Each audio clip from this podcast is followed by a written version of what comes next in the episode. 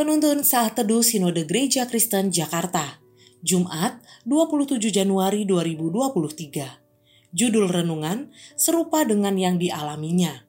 Diambil dari kitab Filipi 3 ayat 10 sampai 11. Yang ku kehendaki ialah mengenal dia dan kuasa kebangkitannya dan persekutuan dalam penderitaannya di mana aku menjadi serupa dengan dia dalam kematiannya, supaya aku akhirnya beroleh kebangkitan dari antara orang mati. Dengan adanya sosial media, memungkinkan munculnya berbagai acara atau games yang unik untuk ditayangkan. Salah satu games unik yang beredar dalam video-video adalah games yang dapat dimainkan oleh pasangan suami istri.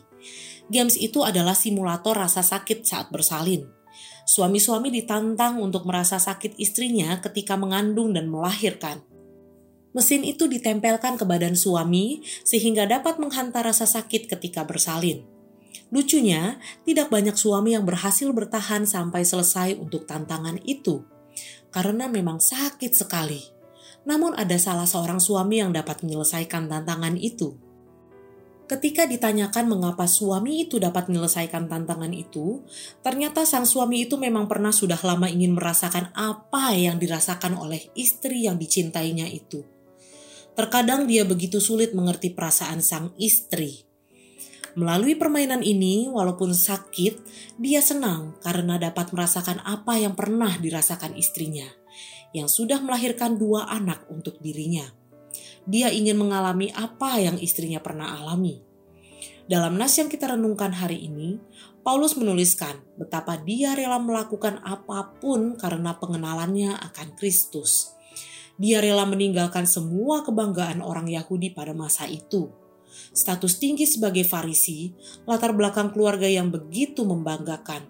Semua yang dianggap hebat oleh dunia, namun dia menganggapnya sebagai sampah supaya memeroleh Kristus dia justru berbalik arah, melupakan apa yang di belakang dan berlari-lari kepada tujuan untuk memeroleh panggilan surgawi dari Allah dalam Kristus Yesus.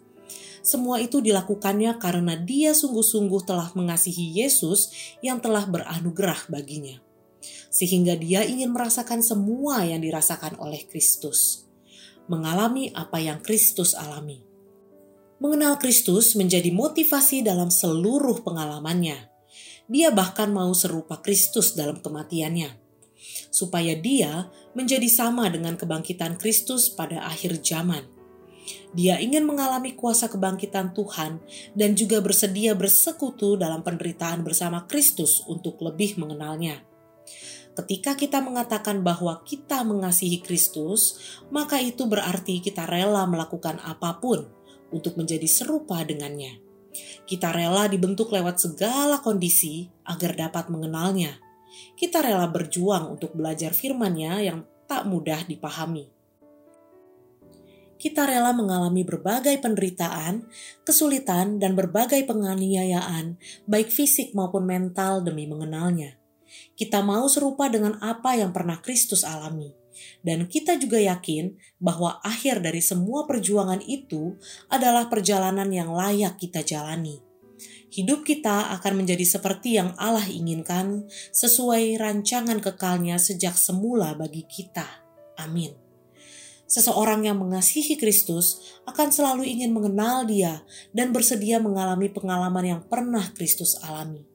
Kiranya Tuhan menguatkan kita.